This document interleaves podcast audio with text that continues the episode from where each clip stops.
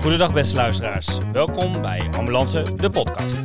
De podcast over ambulancezaken en prehospitale zorg. Deze aflevering wordt weer een nieuw ambulanceonderwerp besproken door mezelf en mijn gast van vandaag. Ik wens u veel luisterplezier. Ja, goeiedag, welkom eh, beste luisteraars. Tegenover mij zit eh, de allereerste gast van deze podcast, dus een eh, best wel speciaal moment eigenlijk voor me. Welkom Thijs. Dankjewel. Ja, voor me zit Thijs Gras. En ehm, ja, mensen die in het ambulancevak zitten, die kennen hem wellicht. Misschien niet persoonlijk, maar ze hebben vast wel eens ooit een stukje van hem gelezen. Want waar kennen we jou voornamelijk van? Ja, eh, ik ben binnen de ambulancekringen nogal bekend van de handelingenschema's die ik geschreven heb voor de opleidingen.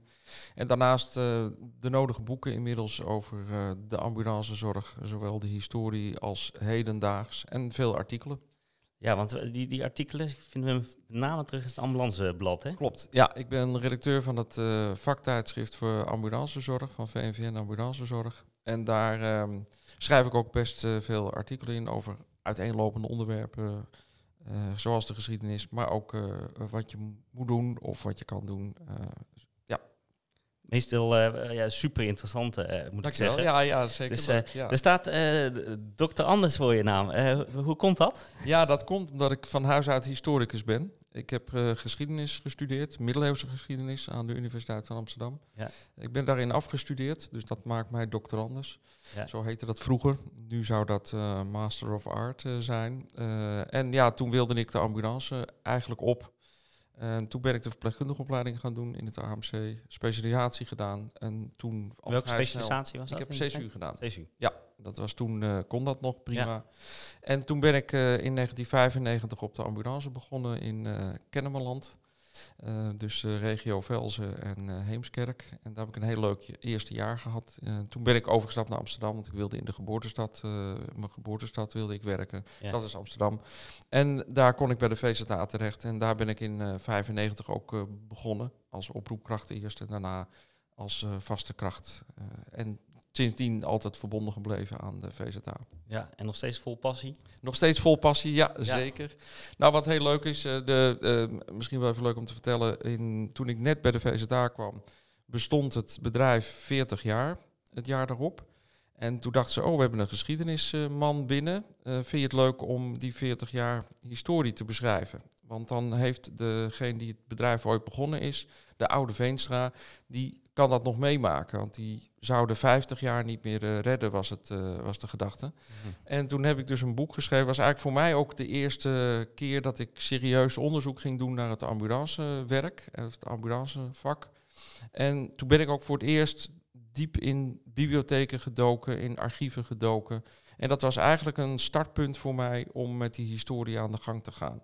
En ja, toen kwam dat boekje. En dat boekje heeft dus weer heel veel eh, effect gehad. Want dan zagen andere mensen bij andere diensten dat boekje. En dan zeiden ze, oh ja, we bestaan ook voor zoveel jaar. Dat vinden we leuk. Of die en die gaat weg. Ja. Kun jij de historie van onze dienst eh, beschrijven? En zo heb ik zo'n beetje het hele land door eh, inmiddels beschreven. Dus ja, dat varieert van heel de provincie Overijssel, de Flevopolders, Zuid-Limburg, Zuid-Holland-Zuid, Drachten in, en natuurlijk het gebied rondom Amsterdam. Daar heb ik ook veel boeken over geschreven. Eh, een boek over de VZA en, en ook een boek over de GGD.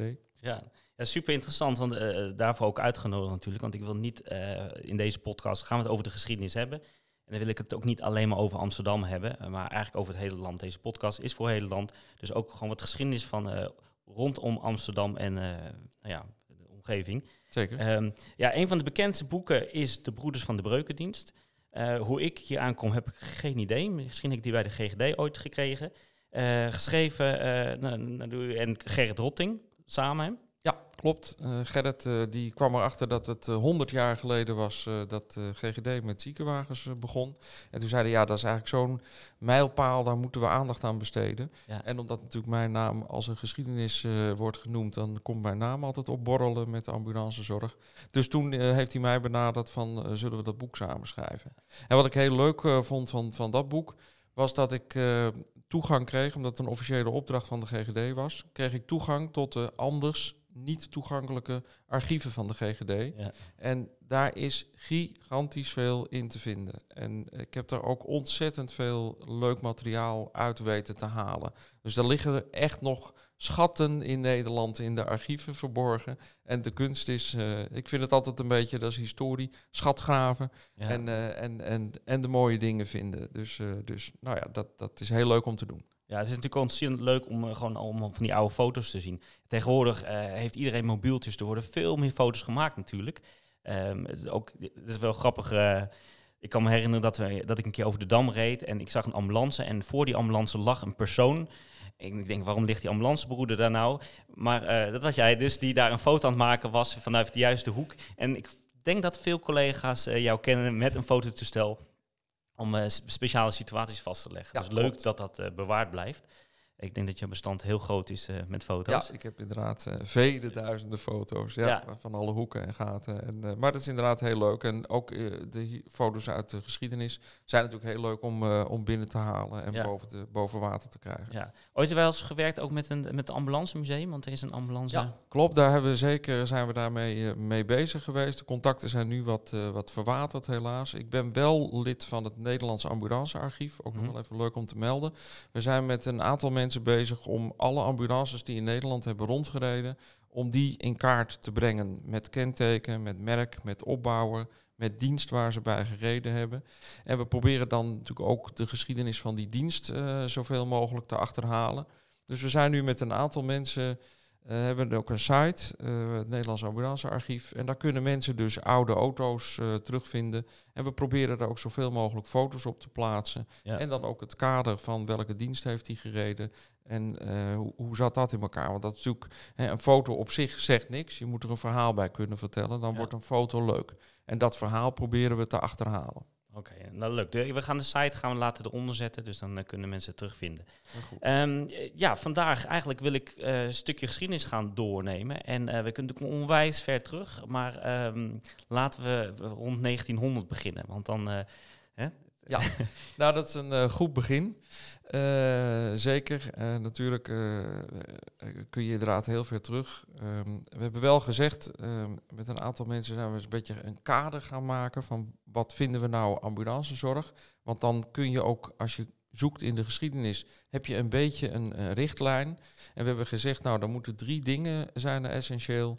Je moet de mensen hebben, je moet de middelen hebben en je moet de methode hebben eh, om mensen en middelen samen te brengen. Dus mensen wil zeggen dat er speciaal aangewezen, dan wel opgeleide mensen zijn om dat eh, vervoer van zieken of gewonden op zich te nemen. Er moeten speciaal gemaakte middelen zijn. Dus een brancard met wielen eronder eh, heb je dan meestal over. Ehm, en er moet dus een soort regeling zijn waardoor de mensen en de middelen bij elkaar komen. Nou, als je die drie elementen hebt, dan praat je over ambulancezorg en dan begint eigenlijk de geschiedenis. En zo eh, zijn we dus ook die geschiedenis ingedoken van wanneer zien we nu die drie elementen bij elkaar komen, dan noemen we het ambulancezorg. Ehm, wat je daarnaast natuurlijk wel hebt, is dat er allerlei ontwikkelingen zijn over die ambulancezorg. Die maatschappelijke ontwikkelingen die van, van invloed zijn, technische ontwikkelingen en natuurlijk eh, medisch-inhoudelijke ontwikkelingen. Hulp is nu natuurlijk veel uitgebreider geworden. Eh, Daar hebben allerlei medisch-inhoudelijke factoren aan bijgedragen. Ehm, aan maatschappelijke ontwikkelingen kun je denken bijvoorbeeld aan de ontwikkeling van de ziekenhuizen. Dat waren vroeger waren dat min of meer, hè, dus ze noemden het ook gasthuis. Daar kwam je eigenlijk te liggen als je het thuis niet meer kon bolwerken. En daar lag de nadruk een beetje op de, op de care. En in de loop van de 19e eeuw is die eh, nadruk verschoven naar cure. Kon je dus ook beter worden in een ziekenhuis. Je Ja. kon behandeld worden. Er werden operatiekamers ingericht. Dat is En ook een beetje de, de ker en de kerk. Hè? Ja, ja, zeggen. Want het was, eh, het was wel verbonden aan de kerk, geloof ik, in Ja, die tijd. dat was natuurlijk in Nederland eh, hebben we een verzuiling gehad. En eh, dat heeft zich ook wel een beetje in dat ziekenvervoer zie je dat niet zo heel erg terug, maar toch wel een beetje. Eh, maar de kerk heeft inderdaad zeker een belangrijke invloed gehad, zowel de katholieke kerk als de protestantse kerk. Want die gingen die ziekenhuizen natuurlijk voor een groot deel eh, op zich nemen. En ehm, doordat ze zieke mensen konden beter maken, werd het dus ook de moeite om als je ziek was, om naar het ziekenhuis gebracht te worden.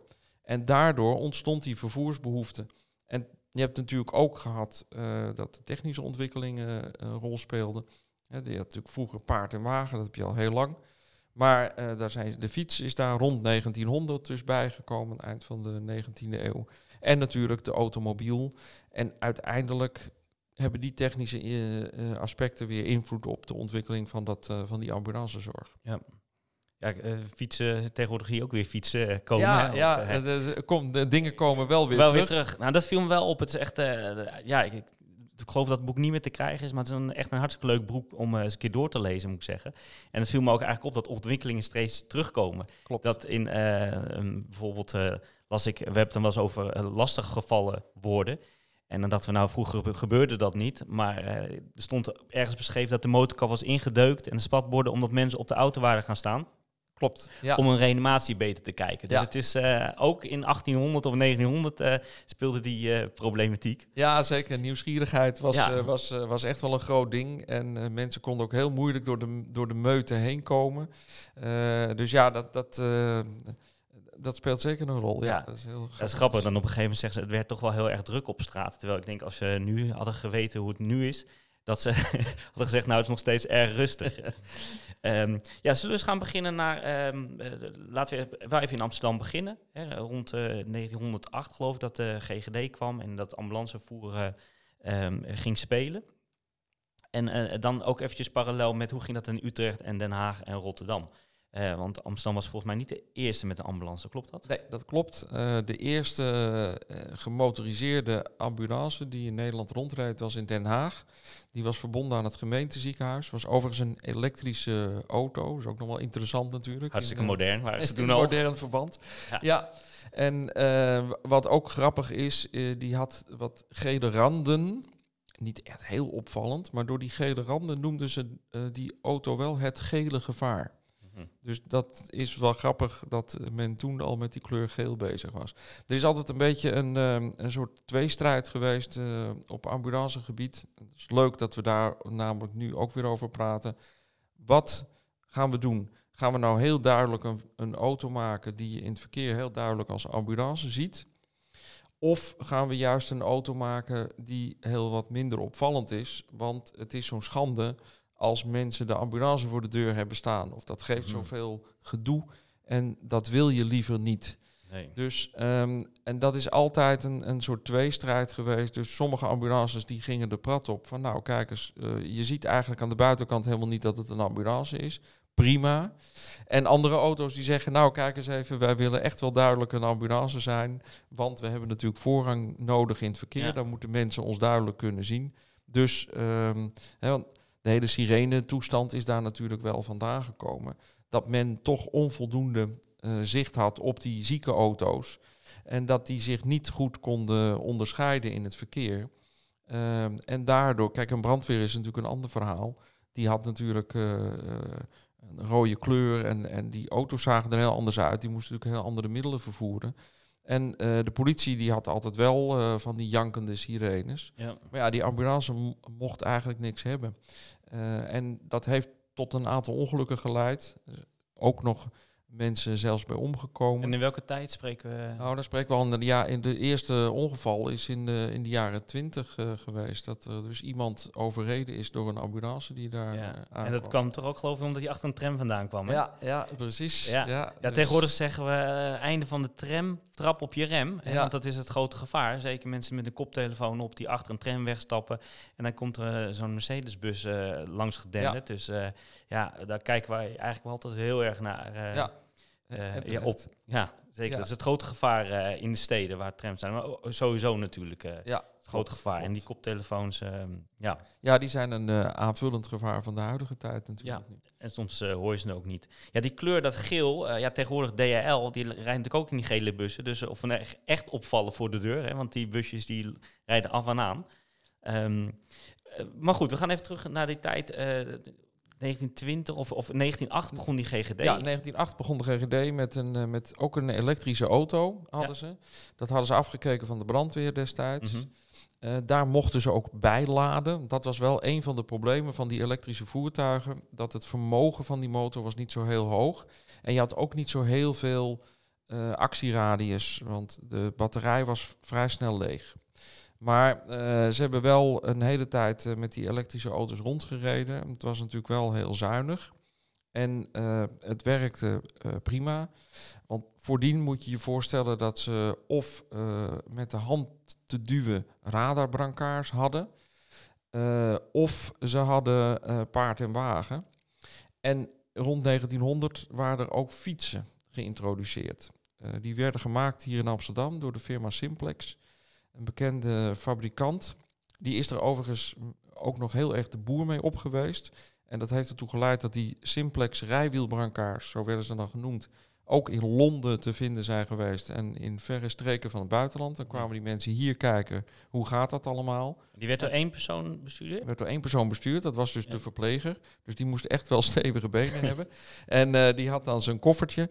Eh er zijn ook prachtige foto's van dat hij eh, met zo'n rijwielbrancard door de... Nou ja, hij staat dan voor de foto even stil. Want je moet er niet aan denken hoe dat natuurlijk geweest is om met zo'n ding door de stad te rijden. Als je dan iemand er nog in hebt, is dat enorm zwaar. Dan hadden ze dus een Mika-ruitje. Dan konden ze nog kijken of die persoon... eh, eh, dat was dan de manier om te begeleiden. En ja, dat was, nou ja, ga nu maar eens door de stad. Je hebt verschrikkelijk veel leuke bruggetjes over die grachten. Ja. Prachtig. Maar als je daar met de fiets met een eh, patiënt op je brancard op moet fietsen, nou, dan moesten ze af en toe wel afstappen of het publiek om hulp vragen om ze even die brug over te duwen. Ja. Maar anders kwamen ze er niet overheen.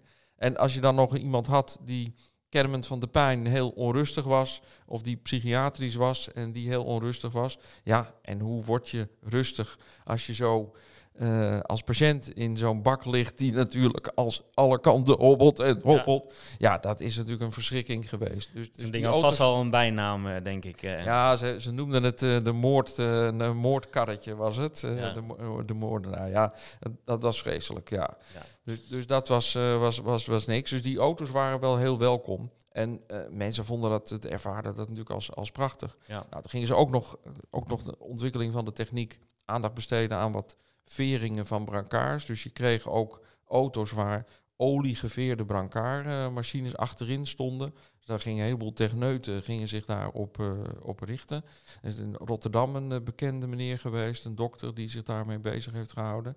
En eh, ja, die kwamen tot hele interessante ontwerpen. Ik heb ze natuurlijk nooit gevoeld, maar je, je bent wel eens benieuwd van, goh, hoe was dat in Ja. die tijd? En misschien was dat wel heerlijk, die vering. Ja, nou, tegenwoordig eh, hebben we elektrische brancards. Dat is helemaal luxe. Hè. Daar hoeven we eigenlijk eh, bijna niet meer aan te tillen. Alleen bij het draaien. Ja. Een eh, verbetering.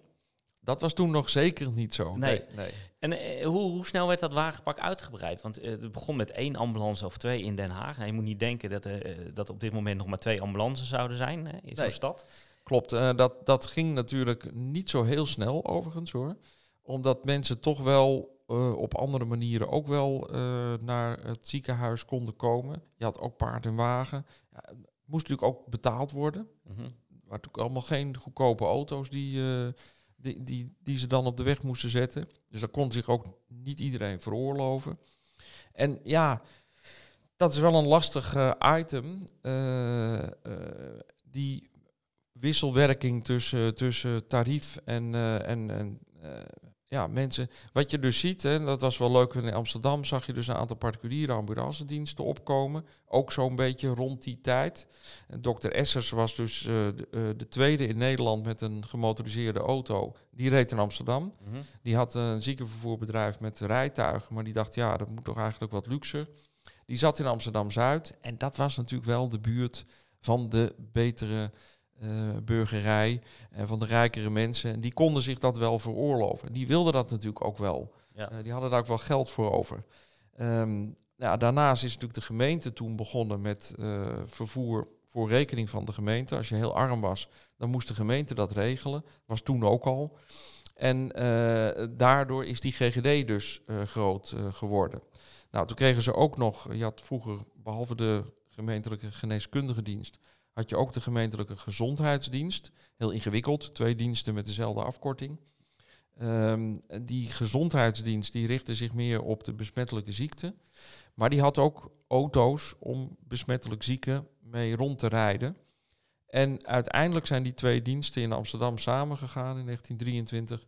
En toen werd het dus de GG-NGD. En toen he- is ook dat wagenpark van die twee diensten in elkaar gesmolten. Nou, toen was het een behoorlijk wa- wagenpark. Eh, ik denk dat je toen een ambulance of tien wel had. Nou, dat vonden ze toen heel veel. Plus natuurlijk nog wat andere voertuigen om een dokter te vervoeren of om eh, besmette spullen te vervoeren.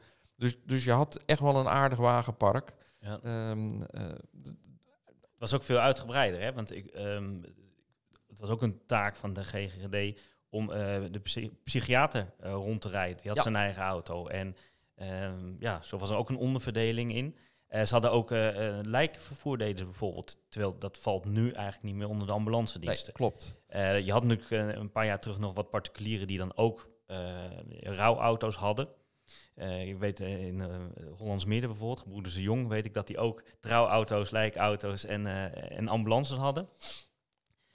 Maar dat zie je nu niet meer.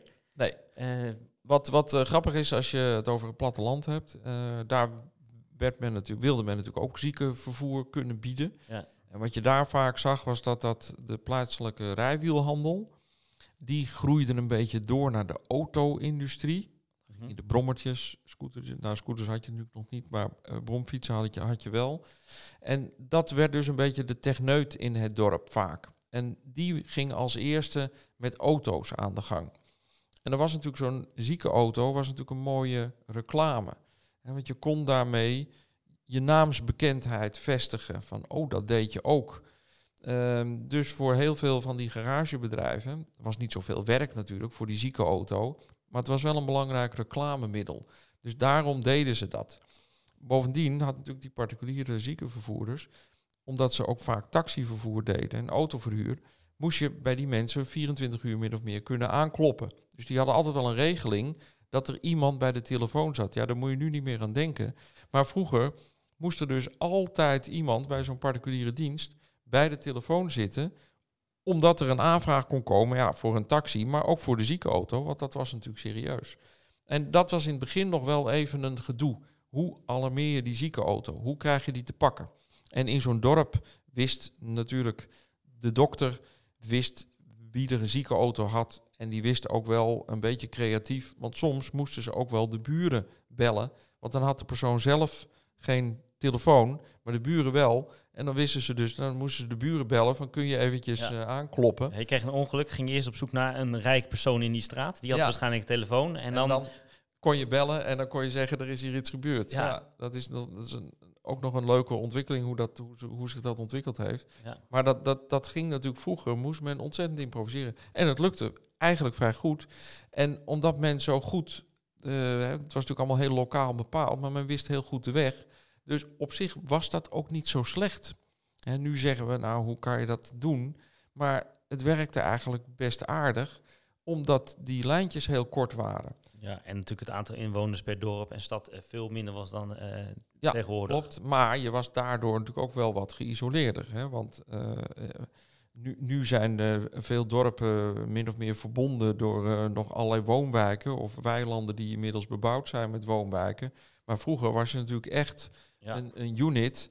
Ja, en dan moest je het eigenlijk een beetje zelf. En wat, we nu nog op die Waddeneilanden zien, dat was eh, vroeger natuurlijk eh, veel meer uh, wijder verbreid. Ja, ja, je had natuurlijk een aanrijdtijd van een uur waarschijnlijk. Ja, Met bellen, alles, als je mazzel had natuurlijk. Daar moest je natuurlijk niet van opkijken. Ja, Nee. dus, eh, dus, dus ja, dat, dat, dat ging eh, eh, heel anders. Ja. Maar het werkte op een of andere manier wel. En groeiden groeide die andere steden, eh, zoals Utrecht, eh, eh, Eindhoven groeide, ja, dat soort steden, Breda, groeide die ook mee in die Ja. ambulance? Was dat er één of ging dat gelijk op met Amsterdam, Den Haag, Rotterdam? Of? Nou, dat ging natuurlijk wel een beetje gelijk op. Al die grote steden zijn... eh, het is wel grappig dat veel van die grote steden gingen dan een GGD inrichten. En dan kwamen ze toch altijd wel even bij Amsterdam om te kijken van, van hoe hebben die het daar geregeld. Ja, en of ze het dan één op één overnamen bij hun, dat kon natuurlijk niet altijd. In Rotterdam is de GGD wat laat van de grond gekomen. En die heeft ook wat laat heeft die, eh, het ziekenvervoer op zich genomen. In Den Haag was dat wat eerder. Was het eigenlijk niet zo heel lang na Amsterdam dat de GGD aan de gang ging met ziekenvervoer. Daar had je voordien het Rode Kruis. En toen heeft de GGD eerst nog de auto's van het Rode Kruis gehuurd. En daarna zijn ze met eigen auto's begonnen, want dat was dan toch het makkelijkste. Eh, Utrecht was er ook vrij vroeg bij. Die hadden eerst een contract met een ondernemer, Dr. Essers. Ook. Daar is hij weer. Ah. Ja, die dokter Essers is een hele interessante figuur. Want die had dus ehm, eh, filialen, noemde hij dat. In Groningen, in Arnhem, in Leiden, in Den Haag, in Amsterdam en in Utrecht. Het was dus eigenlijk een voorloper van eh, de Nederlandse ambulanceonderneming, eh, kun je zeggen. Ja, particuliere apotheker was het, hè? Ja, hij was apotheker van huis uit. Ja. En eh, hij had een, eh, een, een zaak in medische apparatuur, eh, midden in de stad, de Nieuwe Zijds Voorburgwal. Daar zat hij. En hij is op een gegeven moment met die eh ziekenauto's begonnen. En, en heeft dat bedrijf helemaal uitgebouwd. En was ook een, een, een wel goed geziene partner van de gemeentelijke gezondheidsdienst. Bijvoorbeeld met het aardappeloproer in eh, 1917. Ehm, hebben dus, heeft de GGD eh, eh, gebruik gemaakt van de ziekenauto's van Essers om eh, aanvullend eh, vervoer te doen. Dan moesten ze ook paraat staan. En die, eh, die chauffeur, die, eh, daar waren ze zo tevreden over, die heeft nog een eh, gratificatie gehad voor die, eh, voor die inzet. Ja. Dus dat was wel, eh, was wel heel grappig. Dus die samenwerking was, eh, was eigenlijk best wel eh, goed tussen die twee diensten in die Ja. periode. Ja, je zag dat eh, de GGD echt heel strak georganiseerd was. Hè? Zeker in die tijd. Ze hadden op een gegeven moment eh, in bepaalde jaren wel, ik geloof wel 100 voertuigen. Eh, je had allemaal chef-chauffeurs, hè, die eigenlijk de baas daar waren. Die hadden best wel veel macht binnen zo'n ambulancebedrijf. Ja, Ehm, die regelden het allemaal wel. En eh, er gebeurden natuurlijk ook allemaal zaken die niet konden. Hè? Dus eh, gewoon aardappelen vervoeren bijvoorbeeld. Ja, ja, als een- zeker in die tijd, als ze een buitenritje hadden, nou, dan duurde dat wel een dag. Want dan Ja. ging je ook even langs Scheveningen, even een visje halen. Ja, en, ja eh, dat hoorde er allemaal bij. Ja, precies. Ja. Dat, dat vonden ze ook. dat waren voor hun de, de leuke ritten, die buitenritten. Ja. Want dan konden ze dus een beetje dit soort dingetjes doen. En ja, dat, dat bracht ze natuurlijk het hele land door. Ja. Je moet natuurlijk ook niet vergeten dat in die tijd. ehm, eh, het, het land natuurlijk niet zo vo- voorzien was van, van snelwegen. Dus je- de, de- je moest over de lokale wegen. Dus je ging echt door die dorpjes heen. Je ging er niet omheen, zoals nu. Dat, Ja. Maar je moest helemaal door die dorpjes heen. Dus je kwam ook overal langs natuurlijk. Ehm, en, en een van de grappige dingen is dat, dat men dat ook nog wel eens gebruikte als er berichten moesten worden doorgegeven. Dan wisten ze, dat was dan bijvoorbeeld in Zuid-Holland-Zuid zo, dan wisten ze dat een, een ziekenauto over een bepaalde brug moest. En er was natuurlijk een brugwachter, die was bereikbaar. Dus dan zei ze tegen die brugwachter, nou als die ambulance langskomt, moet je hem even aanhouden, want we hebben een vervolgopdrachtje voor die auto. ja, Nou, dan, kwam, dan zag die brugwachter, die keek uit naar die ziekenauto. En dan, hé, hey, daar komt hij. Nou, ja, je moet even eh, een vervolgopdrachtje doen. eh, Ja. dat, eh. Ja, wat ik hoorde, dat er hingen gewoon eigenlijk bij die bruggen hing een telefoon. Hè? Dus Ja. inderdaad, als ambulancebemanning moest je soms ook gaan naar een brug toe rijden om te horen of er iets was. Ja. En dat was eigenlijk het, het netwerk wat gebruikt werd. Klopt. Het aantal ritten lag natuurlijk ook veel lager. Hè? Dat is dan misschien deze één of twee ritten per dag. Als je een buitenrit was dat gewoon één. Tegenwoordig eh, zie je toch al snel, eh, zeker in de steden, dat je eh, minimaal boven de vijf, maar soms tot, tot, tot acht, negen ritten komt. Ja. Binnen de stad, als je een buitenrit hebt, ja, wat langer natuurlijk. Dus het is natuurlijk in dat opzicht heel veranderd. En de meldkamer ziet ook precies waar je rijdt. Dus als jij een visje staat te eten in Noordwijk, dan wordt er echt wel eventjes gepeet van wat zijn jullie daar aan het doen? Klopt, ja. Wel verschil. Ehm, eh, nou, ze gingen doorgroeien, die GGD. En op een gegeven moment eh, zag je toch wel wat veranderingen. eh, met name tijdens de oorlog. Ja, in de, in de oorlog is het natuurlijk, voorafgaand aan de oorlog, be- begon zich dat allemaal goed te ontwikkelen, die ambulancezorg. Eigenlijk in het hele land wel een beetje. Je had mooie ziekenauto's, eh, je had mensen die best wel wat opleiding ook hadden. Het EHBO-diploma was wel, stelde wat meer voor dan, dan nu. Ehm, en, en je kreeg natuurlijk, dat was in Nederland al heel vroeg, dat er verplegers werden aangenomen. Dat vond men eigenlijk beter dan dokters. Dus dokters werden ook nog wel veel gebruikt. Met name in de steden had je natuurlijk gemeentelijke dokters. En die speelden een belangrijke rol vaak bij de eerste hulpdienst. Mhm. Ehm, dus als een politieagent bij een verkeersongeval kwam, nou dan haalden ze die dokter. En ehm, verder werd natuurlijk heel veel dokters eh, thuis ontboden door mensen, omdat ze dan ziek eh, waren. En als die dokter dan vond dat ze naar het ziekenhuis moesten, nou ja, dan, dan werd die ziekenauto eh, gebeld. Dus je zag in de jaren eh, 30 is dat eigenlijk wel een beetje mooi aan het uitkristalliseren. Ja, en dan komt die, die Tweede Wereldoorlog er doorheen. En dan eh, treden natuurlijk op tal van gebieden treden er eh, eh, problemen op. Ehm, ehm, als er auto's gerepareerd moeten worden, is het niet zo makkelijk meer om aan onderdelen te komen. Ehm, eh, de Duitse bezetter vond ook wel wat auto's mooi. En die dacht, nou, die pikken we dan voor ons gebruik eh, mooi in. Ja. Eh, ze bekijken het maar hier. Dat is een mooie zieke auto. Ja, we- wij bezitten dit land, dus ook alle spullen. Ja. En het, het laatste probleem, en dat werd eigenlijk ook het belangrijkste probleem, was natuurlijk het brandstofprobleem. Dus benzine werd heel schaars. Dus men moest overschakelen op eh, alternatieve brandstoffen. Nou, eh, je kon, eh, kolen konden er gebruikt worden. Er waren hout k- gestookte inst- installaties. Gas is, is gebruikt. En uiteindelijk kwam ook dat wel een beetje onder vuur te liggen. En toen moest men dus weer terug naar het gewone werk. Dus dat betekent dat er weer rijtuigen met paardentractie eh, werden Ja. ingezet. En dat mensen ook weer de fietsen uit de garage haalden en afstoften en, eh, Ja, en wa- daar weer mee aan de gang gingen. Wat, wat, wat ik las vond ik wel eh, bijzonder eigenlijk. Dat is, nou, de, de Duitsers waren eigenlijk ook wel gecharmeerd van de GGD. En die vonden dat het goed georganiseerd was. Dus ze lieten in het begin ze best wel wat met rust. Hè. Ze konden best wel lang doorgaan. Benzine was natuurlijk een probleem. Dus als jij eh, ehm, triage, dat werd toen eigenlijk al gedaan. Keken ze van, oké, is jouw ongeluk ernstig eh, genoeg om een ambulance te sturen? Ehm, en dat had meer met de benzine te maken. Want we hebben niet zo heel veel, benzine. Gaan we dat litertje aan jou besteden of gaan we dat litertje benzine aan een andere besteden? Eh, wat ik ook wel mooi vond, ehm, ja, of het eigenlijk aan het einde van de oorlog dat ze toen gewoon weer vier rijtuigen met paarden moesten aanschaffen, omdat er gewoon echt te weinig ambulances waren. Ja. En dat het inderdaad lastig was. Wat ik me ook eh, opviel was dat ehm, de Duitsers eigenlijk het ziekenfonds hebben eh, ingevoerd. Ja, dat klopt. Eh, dat dat ook een grote, grote impact had op de ambulance. Ja, zeker. Ehm, eh, het is zo dat er wel wat voorbereiding was in Nederland Mhm. om dat te doen. Je had, kijk, een van de problemen is natuurlijk altijd hoe financier je nou dat ziekenvervoer? En ehm, veel mensen vonden dat dan eh, handig om zich daarvoor te verzekeren. Nou, je had allerlei verzekeringsmogelijkheden, ziekenbussen, eh, die, die vergoeden soms ook eh, het ziekenvervoer. Dat zat er soms bij in. En daar werd je dan lid van. Dat was dan vaak van je werk of van eh, andere dingen. Van eh, politieke partijen had dat ook nog wel. Ja. Ehm, dus, dus dat hadden ze, maar dat vonden ze niet zo'n eh, goede regeling. Verder was de gemeente verantwoordelijk voor de arme mensen. En toen dachten ze, ja, we moeten eigenlijk iets, iets invoeren dat dat voor iedereen goed is.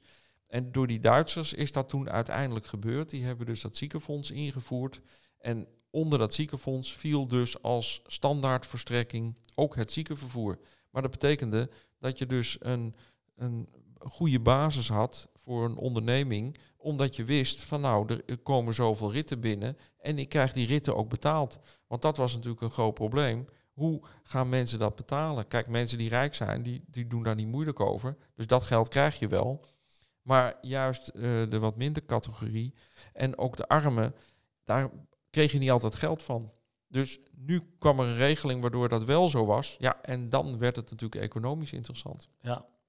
Ja, als je kijkt naar eh, die tijd, eh, zag je ook wel, eh, natuurlijk tijdens de oorlog zijn er bombardementen geweest. ja, met name Rotterdam, dat weet iedereen. In Amsterdam eigenlijk relatief heel weinig, maar er zijn natuurlijk wel wat aanslagen geweest. En een van die momenten was ook aan de einde oorlog. toen, ik geloof op, ik weet even de niet precieze datum, maar ehm, ging eigenlijk iedereen de straat om te vieren dat ze... ja, 7 mei was dat. Oh ja, eh, zeven, toch 7 mei. Ja, het zat in mijn hoofd. Maar ehm, eh, ja, dat ze eigenlijk gingen vieren van oké, we zijn weer vrij. En dat er toch nog een paar Duitsers waren die toen eh, ja, zijn gaan schieten. En dat er daar toch nog wel twintig doden en heel veel gewonden bijgevallen zijn op Ja, zeker. Ja, dat is een eh, giga heisa geweest. Die, die, hebben de, ja, die menigte is beschoten Ja. door, met automatische wapens. Dus ja, dat is natuurlijk zo'n dichte menigte. Dus daar, daar zijn heel veel doden bij gevallen. En nou, je ziet ook, er zijn foto's van. Dan zie je ook met wat voor middelen men dus eh, toen moest werken. En er zijn heel veel van die bakfietsen waar dan eh, dekens in werden gelegd. En eh, ja, die, die waren dus van de luchtbescherming. Ja. En die, die zijn weer van stal gehaald om, om die gewonden naar de ziekenhuizen te brengen. Ja, wil, wil ik ook nog eventjes ingaan. Daar straks had het over de kerk.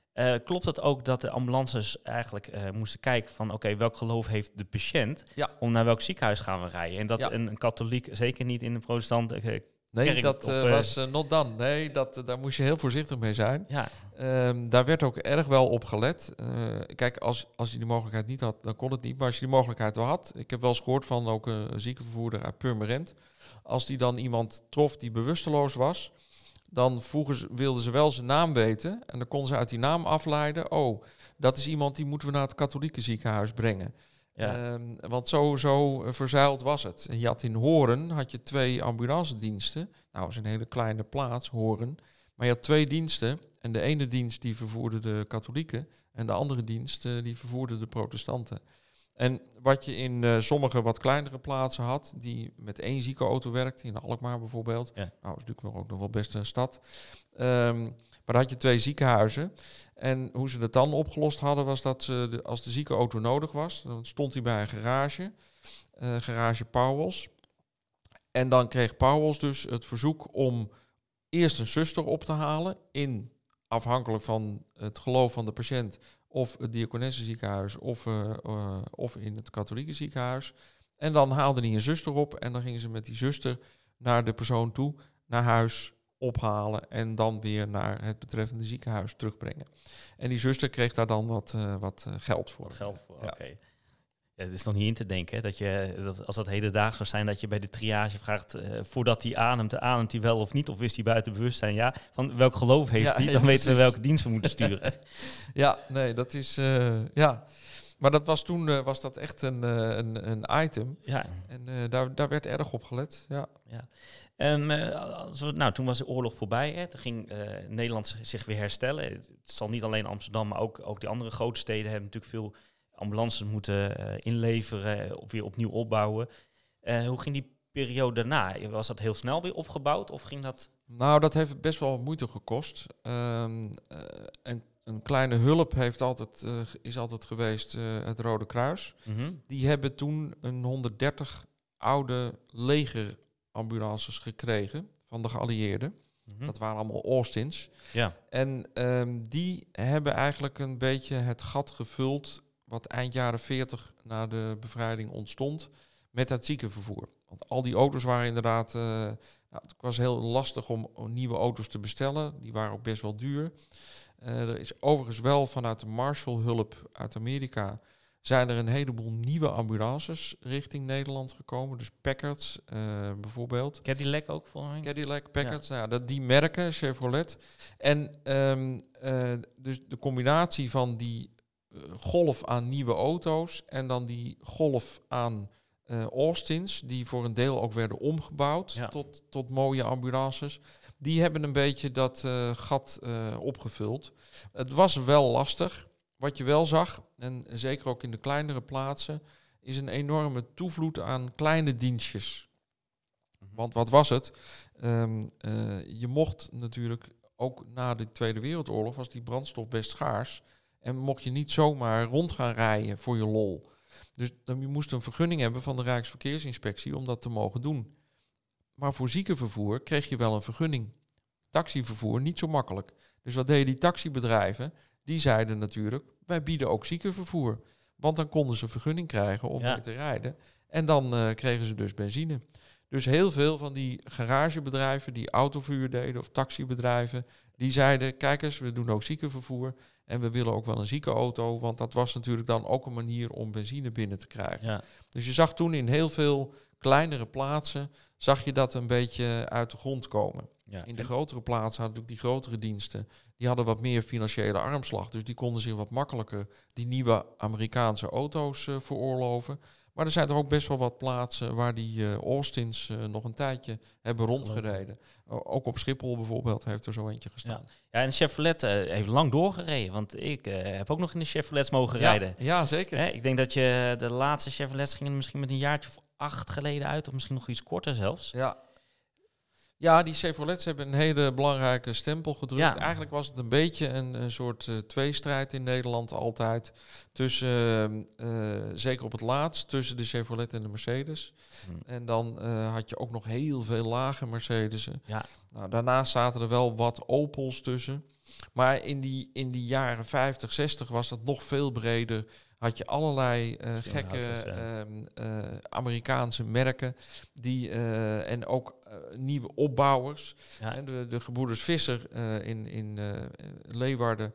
Die waren een hele bekende ambulanceopbouwfabriek. Die waren daar heel creatief in. En die steeds. maakten, ja. nog steeds. En die maakten de prachtigste auto's. En die, ehm, ja, ook als ze een voorkant hadden van een schadeauto die aan de achterkant in de prak gereden was, nou, dan, dan zaagden ze de voorkant eraf en dan plakten ze er wel een andere achterkant Ja. op. Ja, dus je, je kreeg eh, hele, hele rare auto's. En nog eh. steeds zie je het wel eens. Hè? Eh, zo nu dan komt er zo'n hele oude ambulance voorbij. Niet meer gewoon van een, een verzamelaar of zoiets. Eh, dat je denkt, oh ja, ik ken er wel een ambulance in. Ja, Er staat ja. vaak zo'n kruisje nog voorin. Ja, en ik weet natuurlijk, ja, de chauff- voor de chauffeurs was het natuurlijk eh, vreselijk dat die Chevy eruit ging. Want daar kon je wel lekker mee gummen en eh, lekkere bochten meenemen. Dat werd ook wel gedaan. Eh, de Mercedes zijn, eh, moet ik zeggen, ik vind ze heerlijk. Want ik heb geen schouderklachten meer, rugklachten. Dat is echt allemaal eh, minder geworden. Dus om in te werken is zo'n eh, hoge Mercedes zeker wel lekker. Ja, ja. Maar avontuurlijk rijden, dat deed je met die Chevy's. En dat eh, werd natuurlijk toch ook wel gedaan. Ja, nou zeker. Eh, nou ja, die Mercedes inderdaad, eh ze- vlak ze niet uit. Ze, hebben natuurlijk, eh, ze konden heel veel snelheid maken. Dus Ja. zeker op het platteland hebben die Mercedes eh, enorm veel eh, Ja, die lage. Mercedes Ja. inderdaad. Hebben ze-. Utrecht heeft natuurlijk ontzettend lang... Of Utrecht heeft er heel lang Ja. mee gereden. Eigenlijk zijn ze net over op, die, eh, op de sprinters. Ja. Dus, dus die hebben er heel lang mee doorgereden. En met name ook door de grote afstanden en het eh, comfortabele rijden. Dat is natuurlijk dat- altijd een, een soort tweestrijd eh, geweest. Hè? Ehm, eh, of eigenlijk, eh, ja, dus de snelheid, het rijcomfort en de ruimte achterin. En dat zijn dus drie dingen eh, wa- waarvan het eigenlijk nog niet gelukt is om die in één ideale auto samen te brengen. Nee, Dat- nee dat de Mercedes, ze, ze bonken ook wel eens. Maar eh, tegenwoordig, eh, we hebben ongelooflijk veel spullen aan boord. Er komt steeds meer bij, hè. Ehm, dus ja, waar laat je het?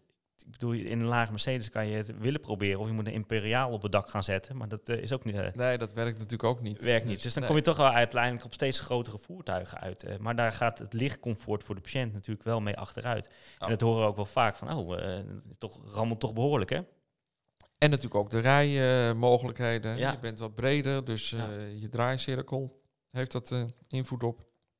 Er zijn allerlei factoren die... eh, nou ja, iedereen probeert dat nu. Hè. Natuurlijk zijn we ook wel technisch weer wat vooruit gegaan. Dus nou ja, Engeland is men bijvoorbeeld bezig. Ehm, Nederland, ook interessant. In de jaren 70 is er een, ehm, een ingenieur geweest, die eh, eh, Jansdaal. En die heeft gezegd van nou, we moeten eigenlijk eens af van dat we beginnen met de auto en dat we daar een ambulance van maken. We gaan beginnen met een patiënt, want daar gaat het om. En we gaan om die patiënt heen, gaan we een ambulance bouwen. En wat verandert er dan? Wat is er nodig? En die heeft het dus op die andere manier bekeken. Het is een heel interessant project. En ehm, hij begon dus gewoon met, eh, nou ja, die patiënt ligt op een brancard. Maar een van de dingen, een van de eerste dingen waar hij al mee kwam, was ja, voor een patiënt is het het prettigst om in de rijrichting vervoerd te worden. Dus die brancard was al andersom met wat we nu gewend zijn. Hm. En ehm, nou, hij zegt je moet er aan twee kanten bij kunnen. Dus dat heeft alweer bepaalde dingen voor de auto eh, tot gevolg. En zo is hij dus dat eh, ontwerp gaan maken. Dat is een hele leuke eh, kwestie. Hij heeft ook het nieuws uitgebreid gehaald eh, toen. Maar eigenlijk is er nooit een vervolg op gekomen, helaas. Nee. Nee, dat is jammer. Nou ja, ik wil, ze kijken natuurlijk ook onwijs naar het comfort. ja, Ja, de vering was natuurlijk een van de dingen. Hè? Vering van zowel de brancard als van de auto. ja. Eh, je moest natuurlijk ruimte hebben voor de begeleiders, voor alle, alle spullen. En natuurlijk in de jaren 70 deed men al best wel wat. Ja. En toen had je al een, eh, een, een defibrillator, was, was toen eigenlijk, werd toen ook wel een beetje tot de standaard uitrusting van zo'n eh, ziekenauto eh, gerekend. Zuurstof. Nou ja, als je zuurstof zegt, dan zeg je natuurlijk een zuurstoftoedieningsapparaat. Je zegt Ja. een zuurstofcilinder. Dus daar komt ook een heleboel bij kijken. Infusen, medicatie, dat werd toen ook wel gegeven. Verbandmiddelen. Ja, dus, dus de- eigenlijk was dat eh, spalken. Dat waren allemaal dingen die, eh, die toen ook al op die auto moesten. Ja. En daar had hij allemaal kastjes en oplossingen voor. Prachtig, leuke creatieve kerel.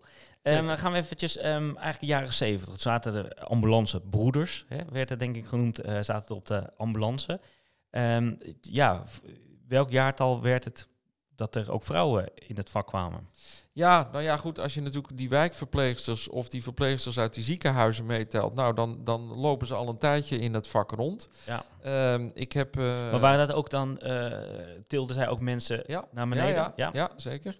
Ik heb ehm, eh, gesproken voor een boek over Zuid-Holland-Zuid met een verpleegkundige die eh 90 was destijds. Mhm. En die had dus in de jaren 50, was zij de verpleegkundige op de ziekenauto in Dordrecht bij de GGD. Er zijn ook hele leuke foto's van.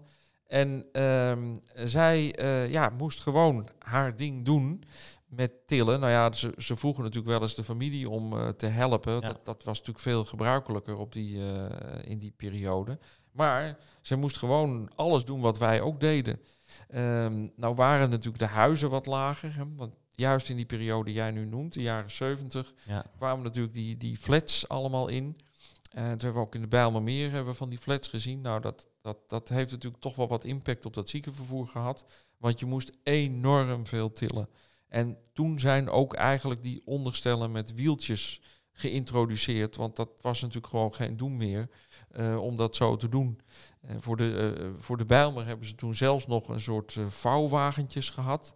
Waar je dan de brancard op kon leggen. Maar uiteindelijk is dat eh, tot een eh, vast onderstel voor de brancard gekomen. Oké, dat, is, eh, dat is mooi. Dan maken we nu nog steeds gebruik van die galerij, steeds, de ja. lange galerijflats eh, in de Belma, al zijn het er steeds minder. Ehm, even kijken, ehm, ik wil eventjes naar, nog iets verder gaan, want op een gegeven moment in het boek schrijf je nou, nou, de eerste vrouwen in Amsterdam kwamen. Dat was in 19... In, ja, in 1989. Ik moet wel zeggen dat de, bijvoorbeeld Broeder de Vries was een particulier Ja. bedrijf. Die hebben al in de jaren 70 hadden die ook veel vrouwen op de, op de auto. eh, als verpleegkundige. Want ja, ze wilden verpleegkundigen hebben. En hoe, hoe werden die dan genoemd? Want eh, je sprak over broeders, maar hoe werden Ja. zij genoemd? Ja, dat, eh, dat, is een, dat is een goede vraag. Want ja, ze werden toch wel een beetje zuster genoemd. Ja, Eh, want andere benaming was er. eh, nou ja, goed, de, de broeders heten de broeders. Maar ze werden dus eh, zuster genoemd. Ja. Oké. Ja. Ehm, eh, we kunnen even gaan luisteren naar. Ik heb een fragmentje van eh, een collega van ons die ik heb geïnterviewd. Die was een van de eerste vrouwen bij het VZA. Oké, leuk. Ehm, ik ga zo hem even aanzetten. Eh, die heb ik eh, eerder eigenlijk opgenomen. Kijken of dat lukt. Margot, welkom in de podcast. Dankjewel, leuk te zijn. Ja, eh, het is niet voor niks dat, eh, dat ik je heb uitgenodigd. Want jij bent een van de eerste vrouwen in Amsterdam Ja, die op de ambulance kwam. Ja, klopt. Ehm, ik weet dat eh, je had vroeger de GGD en de VZA. Ja. Bij de GGD was het Linda in 1989. En twee, dagen, of twee jaar later kwam Corolla. Mhm. En ik begreep dat jij bij de VZA-kant zat? Ja. Ik ben bij de feestdag gekomen in 89 ook. Hetzelfde jaar. En eh, voor mij was er dan nog eh, nou ja, de, een, eh, de eerste vrouw. Ik ben als tweede vrouw binnengekomen. Oh, Oké. En die andere die werkte... Ik denk dat ze er al een jaar of anderhalf jaar werkte. Maar zeker weten doe ik dat niet meer. Dat Nee. heb ik ook nooit echt nagevraagd. En wil je ons nog meenemen naar die, naar die eerste tijd? Hoe ging dat? Hoe was je eerste dag? Eh, Hoe werd er gereageerd? Eh, mijn eerste dag was eh, heel erg aftasten natuurlijk van alle kanten. Het was een mannenbolwerk. Ehm, ik kreeg een, gewoon een uniform aan met een, een broek en een eh, jasje overhemd. Maar ik had bijvoorbeeld ook een sjaaltje erbij gekregen. En dat werd vrij snel door de collega's ook zoiets van... oh mijn god, dat lijkt hier wel de KLM. Nou, Ja. Dus dat sjaaltje, dat heeft het misschien een uur volgehouden. Een soort stewardess. eh, Het was een soort stewardess look. stewardeszaaltje. En ehm, nou ja, dat, dat heb ik op dat moment eh, eh, vrij snel afgedaan. Ehm, het was ja, een deel van de collega's die stond ervoor open. Er was een redelijk deel wat toch zoiets had van wat moeten we met die vrouwen? Die kunnen dat werk niet. En eh, we, het wordt een beetje opgedrongen. Eh, ehm, het was ook op dat moment een tijd dat ze zeiden vanuit de overheid dat vrouwen, allochtonen en minder gehandicapten toegang moesten krijgen tot dit soort banen. mhm. Dus dat, eh, ja, onder die noemer werd je ook een beetje geschaard van, nou, je bent vrouw, dus eh, we moeten je maar binnenlaten eh, en accepteren. Een soort een moedje. Van nou, laat ze maar zo- komen dan. Ja, zo werd het ook een beetje door de werkvloer gezien. Ja. Dat het een, een moedje was. Ehm, ik had één klein voordeel. Ik zag er op zich, ehm, nou ja, wat vlotter uit eh, dan de eerste vrouw. Is Misschien een beetje hard om te zeggen. Ehm, maar die, eh, eh, die stond er nogal degelijk met de stampers en de geitenwolle sokken. En, One of the, one of the men, zeg maar. ja, die, zo wilde ze ook doen. En zo had ze ook een beetje de uitstraling, een beetje stoere toestand. En ik Ja. kwam toch nog een beetje met een paardenstaart. en van, oh, leuk, dat ga ik ook doen. Ja. Eh, En, en, en wat was de vooropleiding? Verpleegkundige of had je Ik was, al een eh, specialisatie? eh, toen moest je al een specialisatie hebben. Dat was voor mij de hartbewaking. Mhm. En ehm, dat maakte ook weer dat degene die natuurlijk al wat langer in het vak zaten, ehm, ook zoiets hadden van zij komt binnen. Ik kreeg meteen ook een bepaald salarisniveau, omdat ik een specialisatie had, Ja. maar nog helemaal geen vakkennis had. En ook dat was voor sommige collega's die die specialisatie niet hadden, Ja. ehm, best wel even zoiets van, ja, hallo, Ja. eh, komt er zo eentje hier binnen en die verdient al meteen eh, hetzelfde niveau, zeg maar. Ja. ja, er is niks veranderd eigenlijk in al die jaren. Die discussies zijn er nu ook nog wel eens. Ja. eh, ja.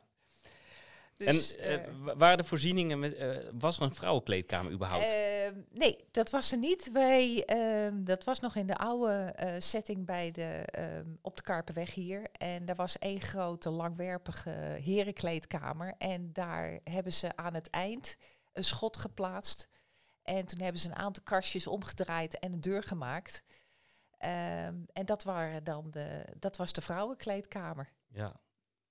Dus dat eh, wel goed geregeld uiteindelijk. Maar Ehm, ja, ja, het, het was alleen dat die deur die ehm, daarnaast was de deur naar de garage. Dus eh, er werd nog wel eens een keertje verkeerd de deur ingelopen. oh, Dan ja. dachten ze dat ze de garage in liepen en dan liepen ze de vrouwenkleedkamer binnen. Dus het gebeurde nog wel eens een keertje dat er iemand ineens zoiets had van, oh, fout. Oh, sorry, bedankt. Ja. En, en hoe was het om in zo'n mannenbolwerk te komen werken? Want ik, Ehm, een bepaald cultuurtje, misschien een biljarttafel. eh, ja, er was een ja. biljarttafel, er was een pingpongtafel en ehm, eh, altijd voetbal op televisie. Ja. Ehm, ik merkte heel duidelijk in het begin dat je ja, mee moest praten met hun. Mhm. Want ook samen op de auto, ehm, de meeste mannen waren toch niet echt gewend om over, nou ja, wat meer privé te praten. Eh, dus het was eh, fietsen, vissen, voetbal en vrouwen. Maar dat ging met mij dan even af en toe wat lastiger. Ja. Ehm, dus ik heb in het begin wel een beetje geleerd om over die onderwerpen te kunnen praten. Omdat er eh, een deel van de collega's het gewoon best wel moeilijk vond om zoiets van, ja, waar praat je over met zo'n vrouw? Ja. Dus dat, dat was heel erg aftasten. En, maar ja, er waren ook collega's die er absoluut geen probleem mee hadden. Dus eh, Nee. En eh, heb, heb je in het begin misschien eh, ook wel eens eenzaam gevoeld? Of niet eenzaam, maar onwennig? Van ja, wat doe ik eigenlijk hier? Ehm, ik heb dat best wel gehad, eh, omdat je, ehm, ja, je, je wilde heel stoer en meedoen aan alles, maar ehm, ja, het was ook uitzoeken. Het Ja. was ook uitvinden en ehm, eh, regelmatig kwam je wel uitdagingen tegen dat je dacht van, ja, hoe gaan we hier nou mee om als vrouw? Ja. Het vak was natuurlijk ook best wel eh, zwaarder dan in deze tijd. Tegenwoordig hebben we elektrische brandcars. Ja. eh, brandweer komt bij afhijzen. Maar ja, dat was in die tijd natuurlijk niet. Het was gewoon Nee. sjouwen de trap af. Ja. Ehm, eh, hoe ging dat? Ehm, nou, ik weet dat het in het begin dan had je dan een, een, een soort riem kreeg je en die moest je om je nek doen en vasthaken aan de brancard. Ja. En daarmee gewoon dus iemand eh, van 80 kilo eh, drie trappen naar beneden tillen.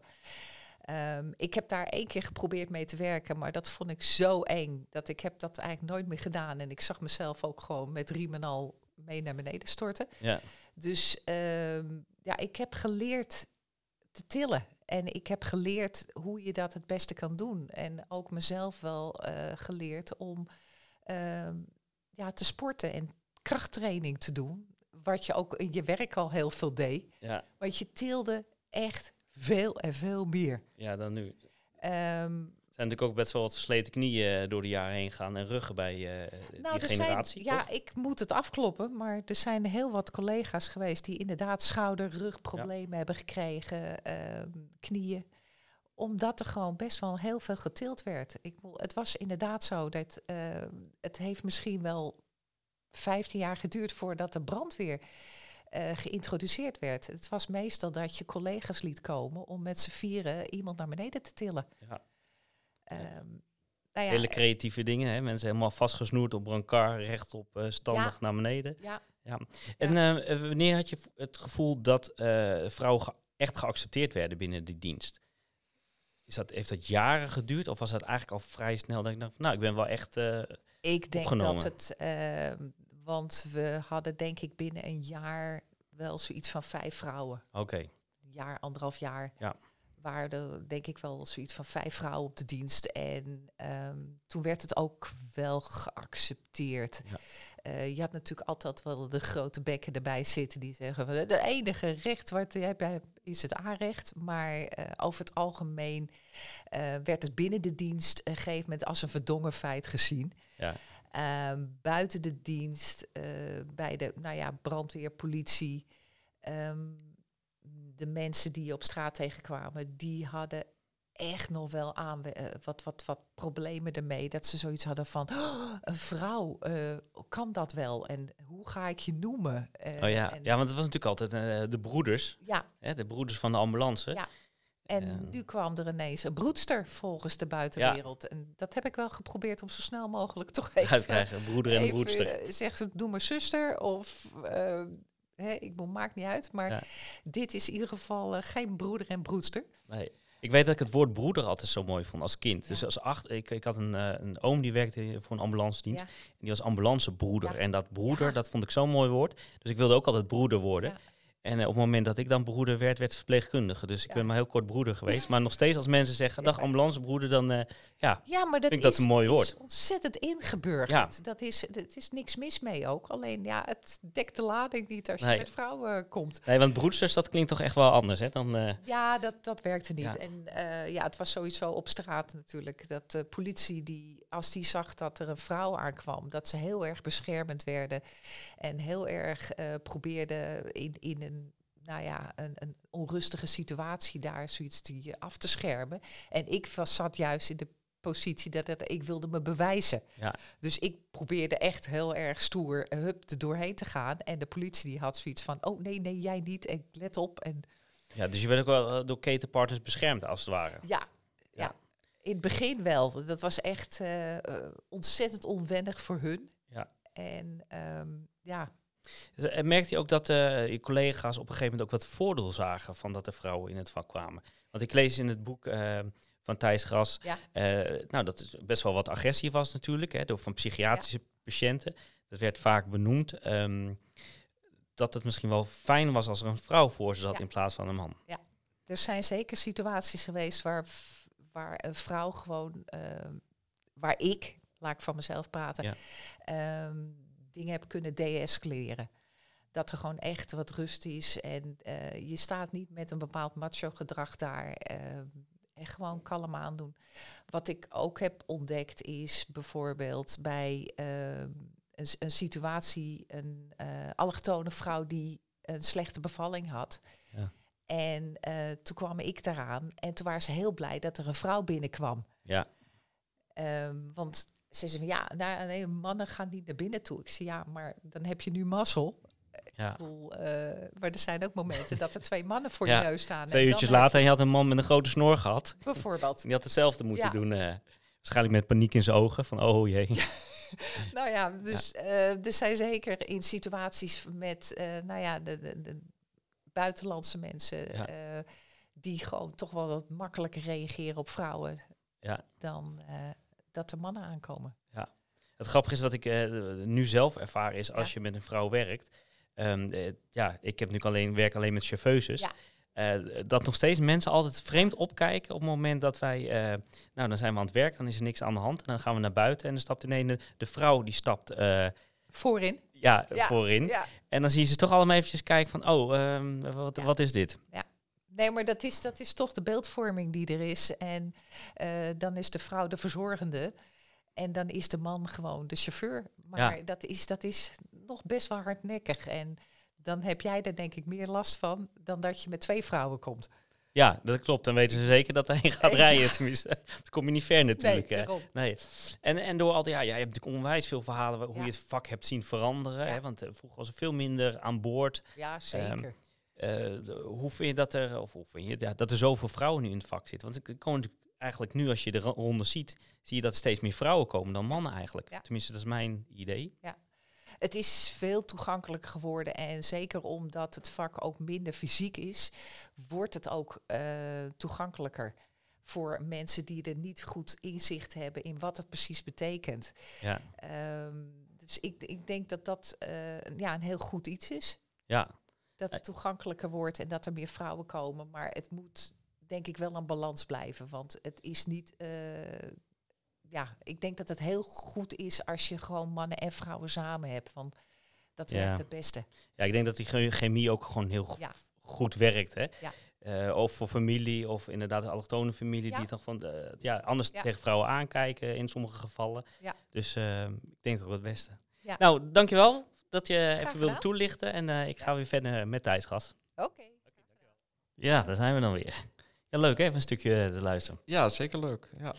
Ja, ehm, eh, we, we zijn gebleven eigenlijk bij, eh, ja, eigenlijk eh, het jaar dat eh Margot kwam. eh, Ja, de jaren tachtig. Ja, toen, toen was eigenlijk die ambulancezorg eh, begon zich echt eh, te professionaliseren. En je had natuurlijk eh, een belangrijk element is altijd geweest de komst van de wet ambulancevervoer.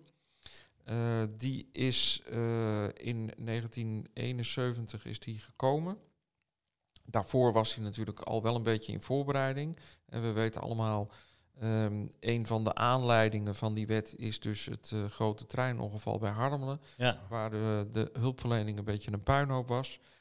Eh, overigens is dat niet de enige aanleiding geweest, want het aantal verkeersongevallen is natuurlijk in de jaren eh 60, 70 eh, enorm geweest. En je had toen, nu hebben we 600 doden, vinden we al veel. Nou, je had er toen 3300 eh, op het eh, Ja. hoogtepunt per jaar. Met veel minder eh, eh, inwoners en veel eh, minder verkeer, dus kun je nagaan. komt er ook natuurlijk door de, de, de airbags die er niet waren, de Nee, nieuwe dat auto's. was er allemaal niet. Nee. Dus de- gescheiden, eh, dat je fiets en, Ja. en, en wegen gescheiden, dat was er ook allemaal niet. Dus, dus dat is natuurlijk een, een hele andere periode geweest waarin die wet tot ontwikkeling kwam. En die wet had eigenlijk, ging dus eisen stellen aan de auto's, ging eisen stellen aan het personeel. En dat heeft een enorme impact gehad op de ambulancezorg in Nederland. Heel veel kleinere diensten die dachten, ja, wij kunnen aan die professionele eisen eigenlijk niet meer zo voldoen. Hoewel die professionele eisen best meevielen of tegenvielen, het is Ja. net hoe je het bekijkt. Formeel was nog steeds het EHBO-diploma voldoende, Mhm. volgens de wet. Alleen er werd wel gezegd, het liefst wel een verpleegkundige. Ja. Ehm, en eigenlijk de diensten die zichzelf een beetje respecteerden, of ze nou particulier waren, GGD of wat dan ook, die werkten gewoon met verpleegkundigen. Dat, dat, eh, dat, dat kon eigenlijk niet meer anders. Je hebt nog een tijdje de ambulancebegeleiders gehad die eh, nog even geprobeerd hebben. Dat was dan een soort EHBO plus. Maar die hebben het niet gered en die zijn uiteindelijk op de chauffeurstoel meestal beland. Ja. Ondanks dat ze nog wel extra opleiding hebben gehad, maar dat, dat, dat, dat lukte toch niet. Het werd toch langzamerhand te specialistisch Het werd te specialistisch en je moest, nou ja, Margot eh, vertelt het ook heel mooi. eh, je werd ook van je verwacht niet dat je gewoon een verpleegkundige was. Dat was voorheen nog wel genoeg. Eh, interessant is dat bijvoorbeeld in de jaren zeventig de Centrale Raad voor de Volksgezondheid nog aan had bevolen om psychiatrisch verpleegkundigen aan te nemen op de ambulance.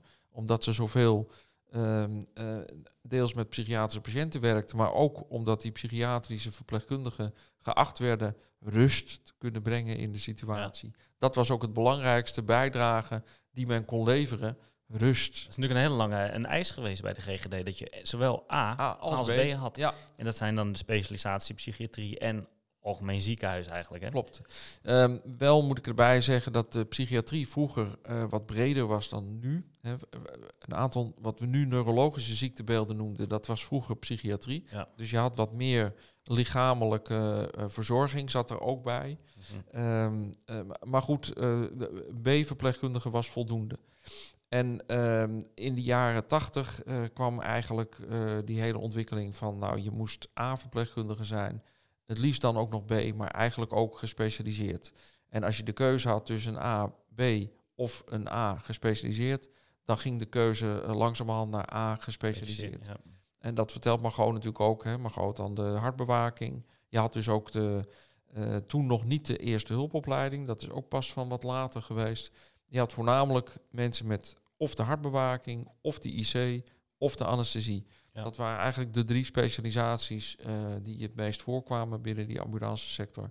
En die mensen konden dus infusie inbrengen, die konden intuberen, die waren gewend om medicatie te geven, die beheersten natuurlijk het medisch jargon ook. Ja. Dus dat was heel logisch om die mensen eh, op die auto neer te zetten. En, dat, gebeurde dan dat ook. is natuurlijk jaren is dat zo geweest. En eigenlijk sinds de afgelopen jaren zie je daar weer verschuiving in. Hè? Dat je minimumcare krijgt. Je krijgt mensen van de BMH, je krijgt lange trans, korte Ja. trans. In een andere podcast ga ik daar ook eens even op in. Even kijken, wat is er allemaal en, en hoe is dat nou geregeld? Eh, de mensen die ehm, werken binnen de ambulancebranche weten het over het algemeen wel. Al zijn daar nog steeds heel veel vragen over. Hè? Ja, Dat ze eigenlijk niet zo goed het idee hebben van wat wordt daar nou geleerd en wat moeten we daarmee en hoe gaan we opleiden. Dus het is best wel interessant om daar eh, over te praten. Dat ga ik ook binnenkort doen eh, met wat gasten.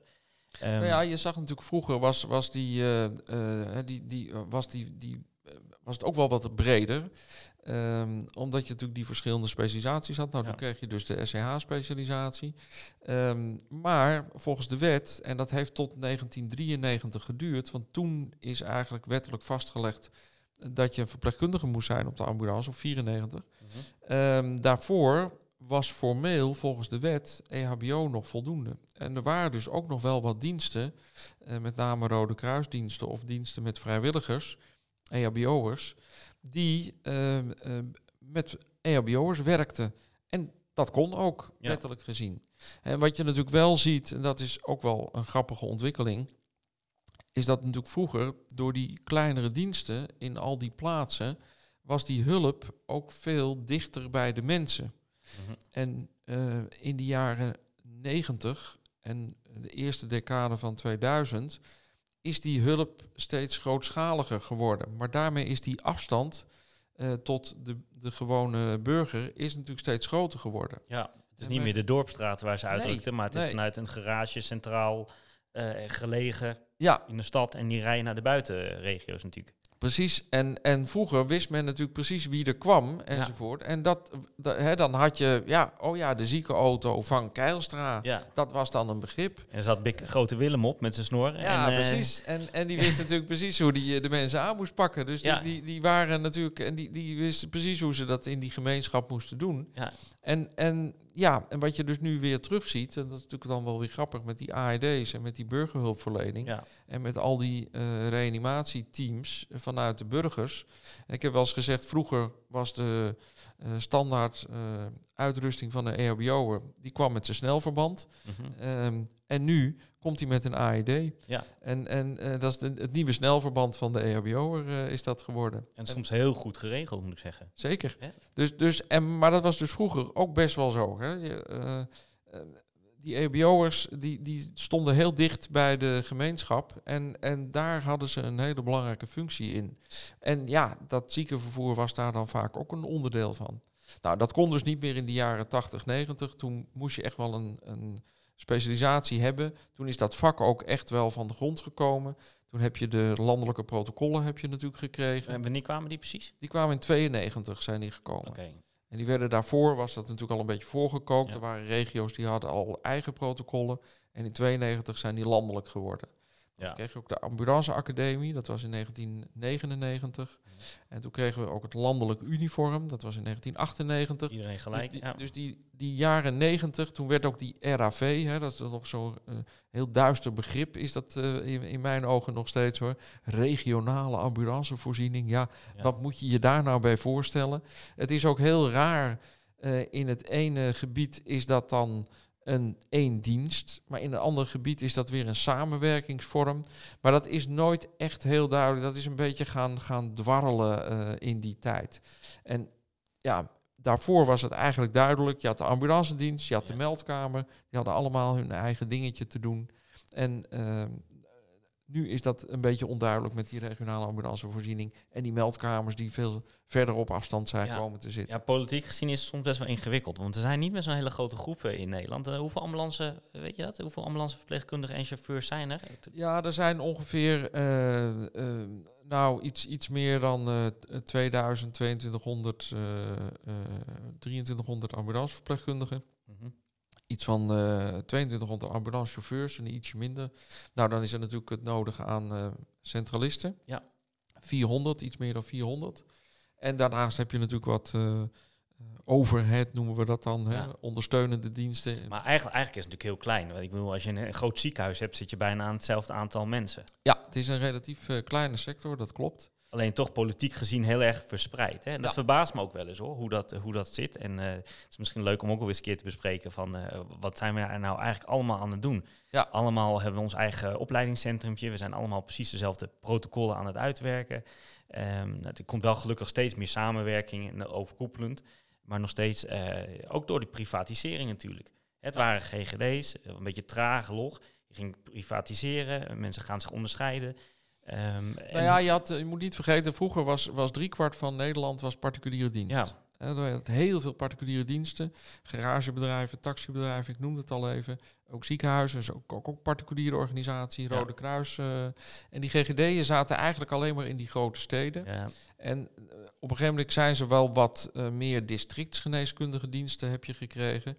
Maar het bleef toch een heel groot deel particulier. En langzamerhand door die regionale ambulancevoorziening, die RAV-ontwikkeling, zijn die eenheden steeds groter geworden.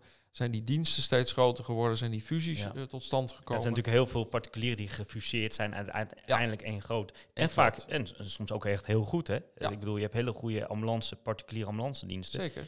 Die eh, ja, ook voor... Nou ja, kijk, die gingen ook diezelfde eisen stellen. Dus in feite eh, maakte het natuurlijk... Hè. Margot is natuurlijk een goed voorbeeld van iemand die bij een particuliere dienst werkte... maar die aan alle eisen voldeed. En die maximaal eh, eh, opgeleid was eigenlijk. Ja, en voor de leek die, eh, die er niet bekend mee is, hè, de GGD had je in Amsterdam en de VZA, twee hele grote partijen. En die zijn natuurlijk ook samen gefuseerd. En dat is in eigenlijk heel veel regio's gebeurd. Ja. Alles is gefuseerd. We hebben in Rotterdam ja. is het ook gebeurd. Hè. Rotterdam was het de hele, tijd... heb je ook GGD en particuliere diensten gehad. Had je een aantal diensten. Silo, Borrenkamp. Ehm, eh, nou, dat is dan de BIOS-groep uiteindelijk geworden. En eh, sinds kort is die BIOS-groep dan overgenomen door ja, wat dan eh, zeg maar de, de nazaat van de GGD is. AZRR, regio Rijnmond. Mhm. Ehm, eh, nou ja, in, in Den Haag is, is het ook nog steeds. Dat is Witte Kruis geworden, ja, toch? Witte Kruis. En dat is natuurlijk ook een particuliere dienst. Hè. Witte Kruis is natuurlijk een hele grote dienst geworden. Dat is eh, voormalig Connection. Dus, ehm, en die zitten in heel veel regio's. Eh, ik denk nog steeds dat zo'n beetje driekwart van Nederland is particulier eigenlijk. Ja. En ja, overheidsdienst heb je niet zo gek veel. Nee, we werken natuurlijk wel, en dat is het mooie, we werken met het landelijke protocollen. Dus eigenlijk zou elke verpleegkundige op dezelfde wijze eh, ja, de zorg leveren. Ja. Tenminste, dat is wel de intentie. Zeker. Eh, er zijn wel eens regionale afwijkingen, omdat een traumaarts toch net iets anders denkt. Of eh, je hebt andere materialen, dus het werkt anders. Stroomschema's zijn net soms net een klein beetje Nou, je hebt anders. natuurlijk ook een andere. hè, we hebben natuurlijk in Amsterdam zijn we drie cardiologische interventiecentra. Ja. Nou, er zijn ook regio's waar ze de nul hebben. Ja, dan moet je natuurlijk afspraken maken, Ja. andere afspraken. Dus, dat- dus dat is ook heel logisch dat je wat regionale aanpassingen doet. Ja. Vind ik ook helemaal niet gek. Ehm, maar goed, we hebben wel eh, we hebben het redelijk landelijk voor elkaar. En dat, ja, het is wel een, een, een moeizame strijd ook geweest. En, en eh, die strijd duurt nog steeds voort. Mhm. En die kent ook zijn, zijn eh, dieptepunten en zijn hoogtepunten. Kijk maar eens hoe dat landelijk uniform, wat voor Ja. gedoe dat geweest is. Nou, dat is natuurlijk een heel mooi voorbeeld. Dat, dat eerste landelijk uniform was eigenlijk net zo'n soort traject.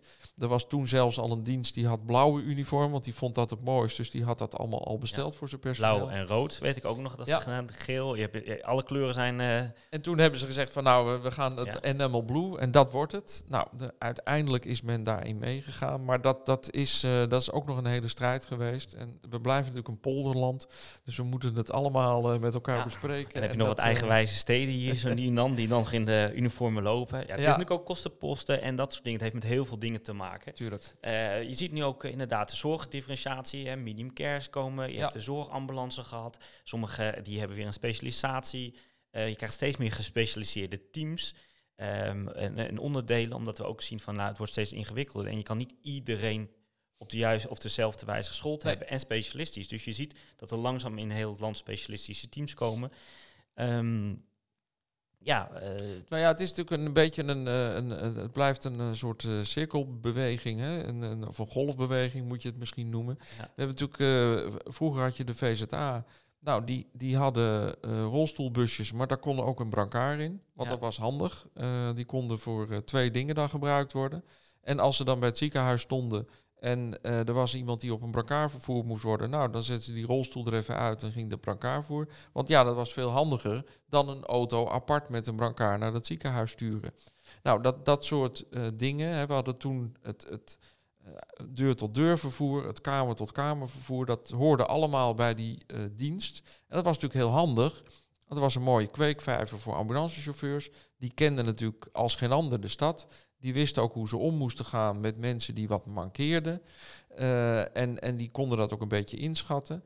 Nou, dat was eigenlijk prima. Dat is toen door eh, aanbesteding is dat gewoon volledig kapot gemaakt. mhm. En dat is eigenlijk heel zonde geweest. Eh, dus daarom ben ik ook zeker geen voorstander van aanbesteding van ambulancezorg.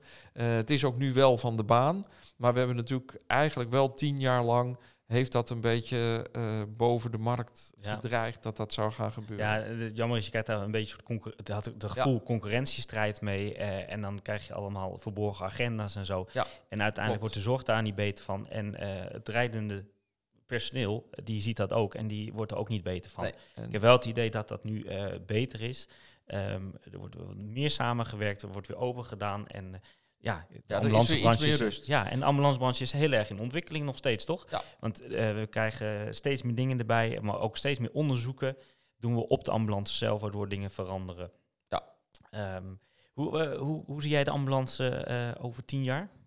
Nou, ik denk, het wordt een beetje moeilijk voorspellen, maar ik denk wel dat, dat we dus een, een, aan de ene kant, wat je zegt, eh, wat specialisatie zullen we zeker krijgen.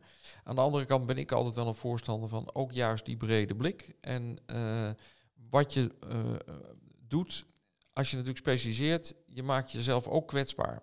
Mhm. Want als die specialisatie op een of andere manier onder druk komt te staan, en je hebt hem niet meer, dan, en je bent er wel van afhankelijk, dan kom je in de problemen.